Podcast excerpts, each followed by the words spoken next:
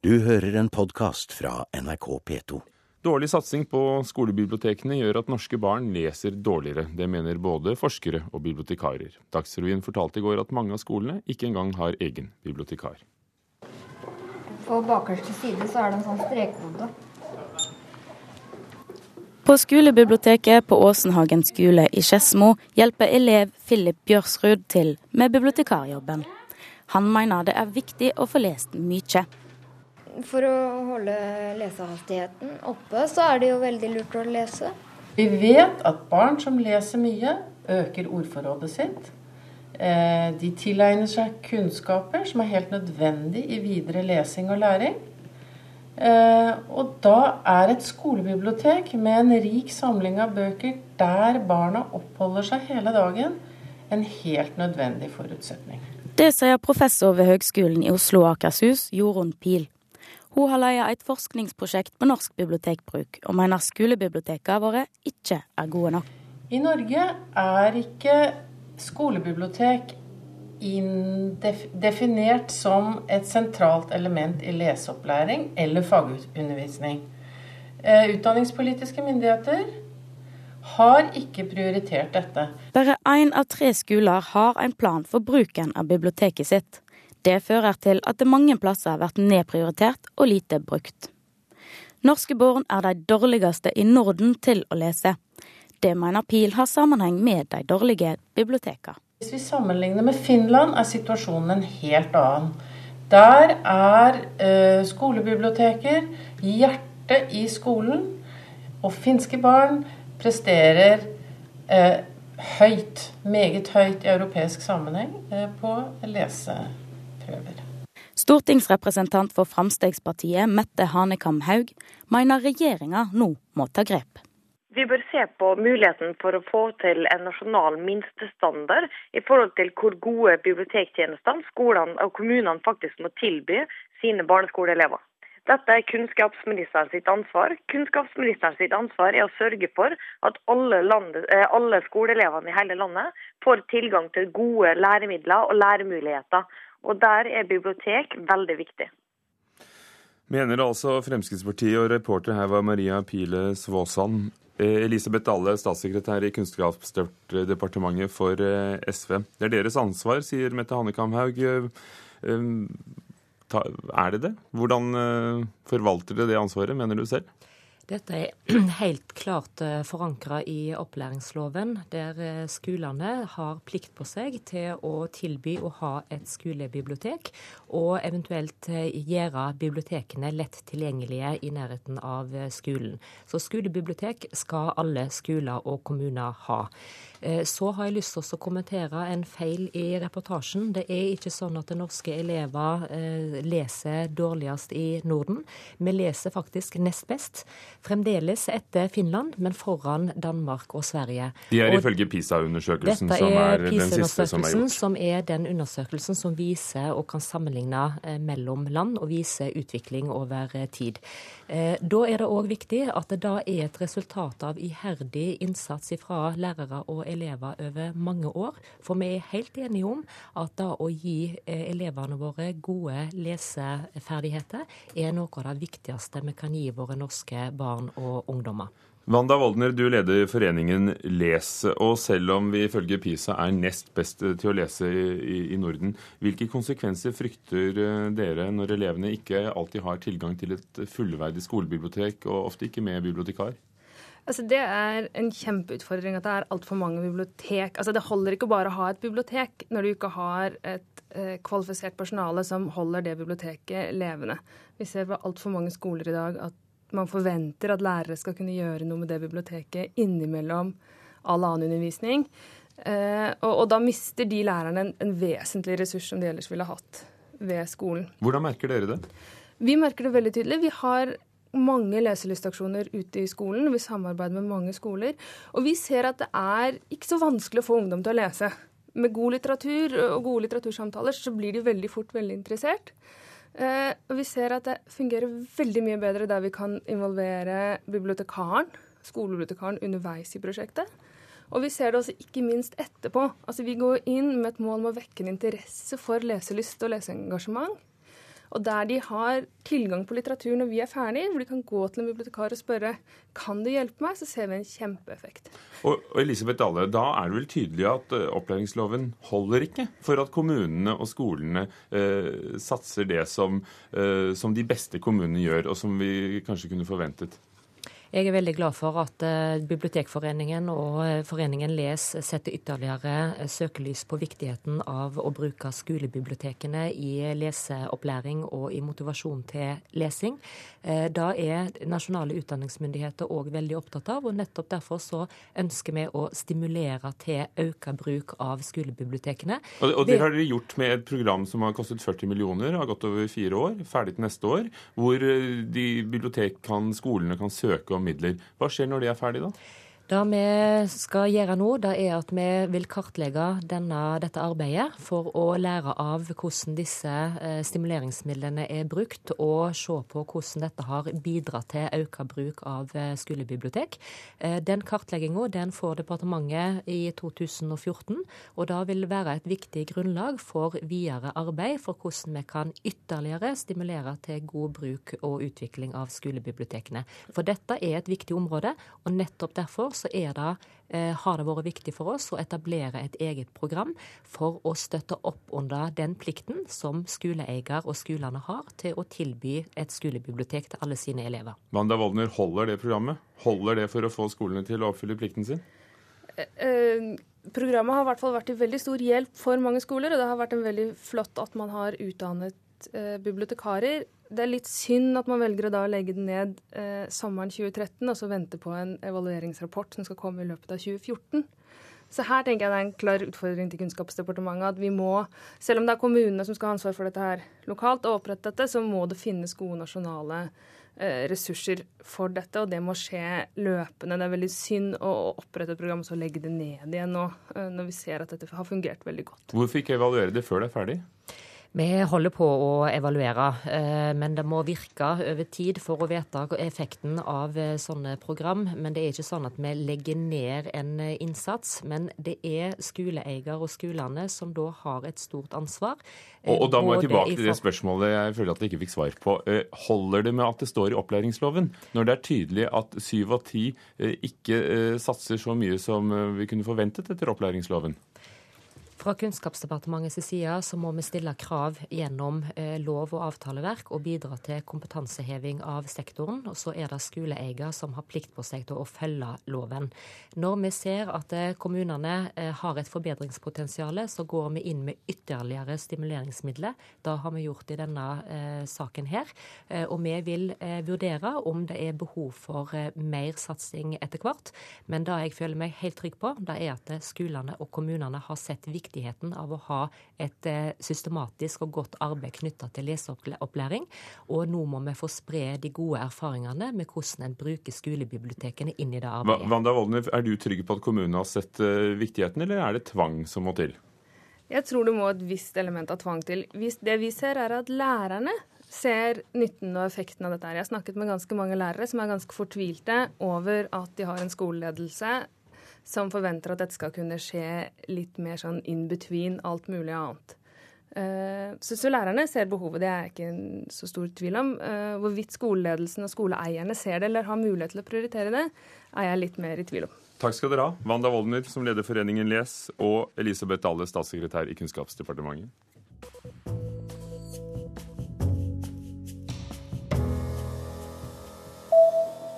Skaperen av mobiltelefonspillet Wordfeud, Håkon Bertheussen, er kåret til årets unge entreprenør. Rundt 20 millioner mennesker har kjøpt ordspillet, og 28-åringen hadde en inntekt på over 17 millioner kroner i fjor fra spillet.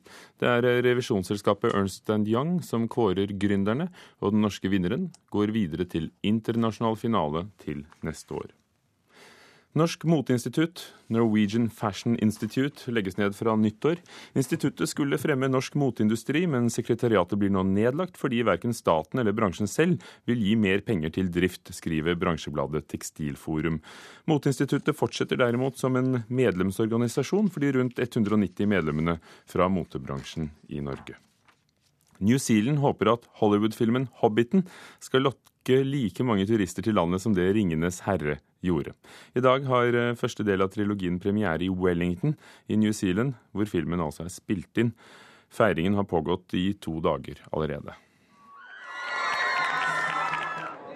Med store pålimte plastører og kapper av vadmel hadde flere hundre fans av filmen 'Hobbiten' fått delta på kostymeparty til ære for Hollywood-filmen som har premiere på New Zealand i dag. Og de fikk hilse på filmens største stjerner. That's wonderful. It, it always feels like coming home, genuinely. So I'm happy to be here. Happy to be celebrating The Hobbit. It's a wonderful film. Det er fantastisk. Det føles alltid som å komme hjem når jeg kommer hit. Det er en fantastisk film. Det sier skuespiller Elia Wood. I byen Wellington på New Zealand, hvor filmen har blitt spilt inn, har festen allerede startet før verdenspremieren i dag. In a hole in the ground, there lived a hobbit. Wood spiller en av hovedrollene, Frodo, i det som skal bli en trilogi basert på Tolkiens bok 'Hobbiten'.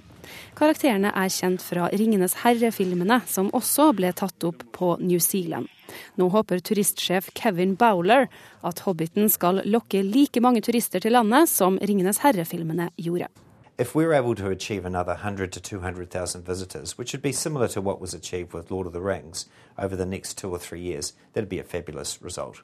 Det var så vidt New Zealand klarte å karre til seg Hollywood-produksjonen i konkurranse med andre land. Men de vant kampen ved å gi produsenten Warner Brothers flere hundre millioner kroner i skattelette og endringer av arbeidsmiljøloven som førte til streik blant skuespillerne på settet. Likevel ønsker turistbransjen at landet skal gi enda flere fordeler til utenlandske filmprodusenter. Men statsminister John Kay kan ikke love noe. We need to be competitive. I mean, that's the nature of this industry. We are looking at some potential changes maybe around television, but I would be very surprised if we'd move beyond where we're at in terms of our incentives. Utenfor Embassy Theatre, hvor premieren finner sted, pågår forberedelsene for fullt. Og det er fortsatt mye å gjøre, sier John Atkinson, som titulerer seg som sjef for de som ruller ut de røde løperne. It's hard work, um, don't get me wrong there. There's a lot of work to be done. Og reporter var Eirin Venås Sivertsen. Eirik Ingebrigtsen debuterte i 2001 med romanen 'Vesen'. Sist fikk han gode kritikker for boken 'Viddesyn' i 2009, og årets roman har tittelen 'Heimfall ei julefortelling'. En svært vellykket roman, mener vår litteraturanmelder Leif Ekle. Heimfall har ikke det med naturressurser å gjøre. Rettigheter som går tilbake til det offentlige når en konsesjonsperiode er omme. Jo da, slik er det. Og på nynorsk kan den som har forbrutt seg mot lov eller regel, også være heimfallen til straff. Hvor mye leseren skal skjele til denne siste bruken av ordet i lesingen av Eirik Ingebrigtsens roman, skal være usagt. Forfatteren og hans forteller har sin egen versjon av heimfall. Ikke nødvendigvis vakker, men en vekker for tanken, og like tvetydig velvalgt som tittelen selv. Folkene på sykehjemmet har bedt den aldrende Johan ta den døende, for lengst voksne datteren Judith hjem til jul, bedt ham hjelpe dem gjennom tunge helgedager og mangelfullt budsjett. Det hviler noe urimelig og naturstridig over foretagene, provokasjon også. Forholdet til datteren var ikke så godt i utgangspunktet, og Johan har strengt tatt nok med seg selv den første julehelga uten kona. Som han selv sier, ikke er han sykepleier og knapt nok far. Eirik Ingebrigtsens gjengivelse av fire førjulsdager i en 74 år gammel manns liv er uvanlig fin lesning. Johans verden, så liten den synes, er stilt på hodet, men gjennom en skjerpet nærhet i språk og til alt hverdagslig vokser et liv opp av teksten. Arbeidsdagen i skogen, kjærligheten, vennskapene og fremfor alt de virkelig tunge tingene han dras med. De som ikke kan gjøres om eller legges bort uansett hvor mye tid som fylles på. En arbeidsulykke, et barn han aldri møtte, sykerommet i kjelleren. Det er nok språket og bruken av det som utgjør selve løftet i denne romanen. Konkret og kortfattet, omsorgsfullt overfor alle de små tingene et dagligliv består av. Mat, snø, ved, tankene, søvn. Slik låner det stemme til en mann leseren vil huske. En som ikke bare utfordres av døden og det som har vært. Han stilles overfor sin egen tilkortkommenhet, og mestrer den. Når lite gjenstår, annet enn slutt, og det ikke finnes noe annet sted, da går veien hjem. Selve heimfallet. Sa vår kritiker Leif Ekle om Eirik Ingebrigtsens eh, roman 'Heimfall' er julefortelling, og du kan lese anmeldelsene våre på nettsidene nrk.no. Asbjørnsen og Moe er utgitt på nytt på Aschehoug forlag. Denne gangen er boken basert på noen av de eldste tekstene til Asbjørnsen og Moe, eh, og på et eh, konservativt bokmål. Men fortsatt er mange av ordene uforståelige for barna ved Marienlyst gård barnehage. Da er det sånn at jeg skal lese et eventyr for dere. Og det er et eventyr som heter Pannekaken. Den har mormor fortalt meg. Og min mamma òg. Vil jeg lese for dere. Barn i alderen 3 til 5 år ved Marienlyst gårdbarnehage i Oslo har eventyrstund med pedagogisk leder Lars Martin Tofteberg Holer. Denne gangen er det en ny utgave som leses høyt. For første gang på tolv år er Asbjørnsen og Moes samlede folkeeventyr kommet ut i en språklig bearbeidet utgave i anledning 200-årsjubileet. Det var en gang en kone som hadde syv sultne unger, og dem stekte hun pannekake til. Det var råmelkskake. Er det noen av dere som vet hva en råmelkskake er? Alba? Nei, jeg vet ikke. Men språket er ikke modernisert. Uttrykk som f.eks. å bie på, spy ut og nisteskreppe er beholdt i den nye utgaven, selv om mange av ordene ikke brukes av barn i dag. Ja, Hvis jeg skal bruke egne erfaringer, så må jeg jo si at den utgaven som jeg hadde da jeg var barn, 1940, den var meget radikal. Så min mor, som leste for meg, hun kan umulig ha lest i den boken uten å simultanoversette. Det gjorde hun ganske sikkert. Forteller leksikograf Tor Guttu, som har oversatt eventyrene. Den nye utgaven er basert på Asbjørnsen og Moes originale tekster fra 1860- og 70-årene. Guttu sier han har valgt å beholde dialektale ord og ord forbundet med gammelt levesett, for at både voksne og barn kan lære av dem ja, bak i hvert enkelt bind for øvrig, det er jo ganske praktisk, så har vi trykt en ordliste. Og det er det jo i de fleste eventyrutgaver av noen størrelse. En liste med sjeldne ord, ord som er sjeldne i dag. Og som eh, fantes da i talespråket til eventyrfortellerne på 1800-tallet, men som trenger en forklaring i dag. Mm. For du vet, eventyrene skildrer jo dagligliv på 1700- og 1800-tallet, og da er det jo mangt og meget som er forandret. Ja, barna mine, bi nå bare til den vender seg. Er det noen av dere som vet hva bi betyr? Uforståelige ord og ord sagt på ulike måter er en del av kulturarven vår. Det mener stipendiat i nordisk språk ved Universitetet i Oslo, Ingunn Indrebø Ims. At det kanskje er noen spørsmål om hva ord betyr, da kan man jo få en samtale om det. At det er ulike måter å både si og skrive ting på. Og da får man jo et språk om språket også, kanskje en fin samtale om hva, hva dette er, og også en eh, bedre forståelse, da, tenker jeg. Så man skal vel ikke være så veldig redd for å, å beholde noen ord som kanskje er litt fremmede, men det er jo på ordnivå, da. Og da pannekaken ikke kom lenger, er ikke reglen lengre heller snipp, snapp, snute. Så var eventyret ute. Og reporter her var eh, Trine Leion, som hadde besøkt eh, Marienlyst gård barnehage. Og det er altså Aschehoug som er utgitt Asbjørnsen og Mo på nytt i anledning et 200-årsjubileum. En av våre mest erfarne eventyrfortellere er forfatter Kirsti Birkeland. Velkommen. Takk. Hva synes du om nyutgivelsen? Ja, det første det er jo at den er praktfull. Jeg er veldig glad for den. Det er uh, selvfølgelig alltid ting man kan diskutere i sånne nyutgivelser, men språklig har det gått mye tilbake til den utgaven som kom i 60-åra. Uh, og det er jeg veldig glad for, for det har vært så masse utgivelser med mer eller mindre uh, dårlig språk. Lettvint. Samlaget har jo utgitt Asbjørnsen Moe på nynorsk. Her har altså Aschehoug utgitt en ny og mer originaltro utgave. Det har kommet i mange eh, utgaver siden eh, den første ble utgitt i 1851. Ja. Eh, hvordan har språket forandret seg gjennom tidene hos Asbjørnsen og Moe? Den eh, har ikke forandret seg så mye nå eh, i den nye utgaven. Altså, den er, den er jo eh, tilbake til den fra 60-åra. Eh, og faktisk enda litt lenger tilbake også. Eh, så den er veldig, veldig seriøs og klassisk. Men, men, hva så med disse ordene barna ikke forstår? Hva gjør ja. du når du forteller eventyr da? Jeg tar dem som de står.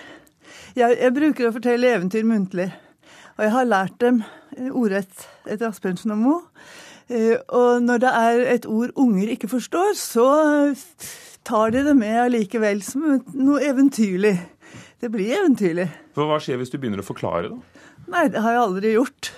Men jeg har vært med på at folk har gjort det, og det blir jo bare skrekkelig. Jeg har jo en historie da, som jeg har hørt fra en barnehage ute i Bærum.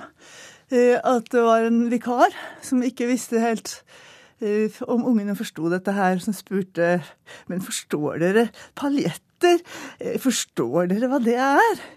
Og ungene kom tryllet tilbake til hverdagen og begynte å lure og tenke, og, og så kommer det fra en gutt. Paljetter er paljetter, vel. Les! og det er akkurat den holdningen ungene har. Og jo mer eventyrlig, jo bedre. Og språket går inn i det. Men det er eventyr. Er de relevante, viktige for barn i dag? Ja, og de elsker dem. Jeg vet ikke om du er for ung til å huske at det var en stund man ikke skulle fortelle eventyr. Det var forferdelig forbudt. Det skulle være eh, sosialrealisme. Lillebror skal til tannlegen og sånne bøker. Og eventyr var pyton, og jeg har slåss på veldig mange lærerrom. Når jeg har fortalt eventyr, så sier de du høres jo ut som du tror på dette her. Ja, selvfølgelig tror jeg på det. Jeg kan ikke fortelle noe til ungene som er løgn. Og dette her er sant, men det er på et annet plan. Og så blir det slåsskamp, vet du. Men, men hva gir eventyr barna som eh, Ola skal til tannlegen ikke gjør? gir eventyr. Det gir en mye større verden. Eventyr vokser jo opp i alle kulturer. Og jeg har nettopp utgitt en bok med eventyr fra Tanzania. Og det er de samme historiene. Eh, på, på, grunnplanet er det rett og slett oppdragelse. Når reven og bjørnen eh, har dialog i Norge, så er det krokodillen og apekatten i Tanzania. Men de sier det samme. Opplever du at foreldre er flinke til å lese barn, nå som det ikke er forbudt lenger, som det kanskje var for noen tiår siden? ja, nei, Nå er det ut, masse utdannede eventyrfortellere nå som reiser rundt omkring og fòrer verden med eventyr, og bra er det. Hva er hemmeligheten bak å fortelle et eventyr på en fengende måte? Det er rett og slett at man får en indre verden, får bilder i den indre verden. Eh, og man får noe å pønske videre på, og man får større ordforråd og begrepsforråd. og og fellesskap med hele verden. Men vi kan frigjøre oss fra, fra teksten, slik den står i utgaven, bl.a. denne nye som er kommet? Den eh, teksten er så god den er, og så eventyrlig at den syns jeg dere skal bare beholde. Takk skal du ha, Kirsti Birkeland, forfatter og selv en av våre drevne eventyrfortellere. Eventyr om Kulturnytt i dag er slutt. Andrea Kvamme Hagen var produsent, Hanne Lunås teknisk ansvarlig, Ugo Fermariello programleder. Klokken er straks halv ni. Dette er Nyhetsmorgen i NRK P2 og Alltid nyheter. Du har hørt en podkast fra NRK P2.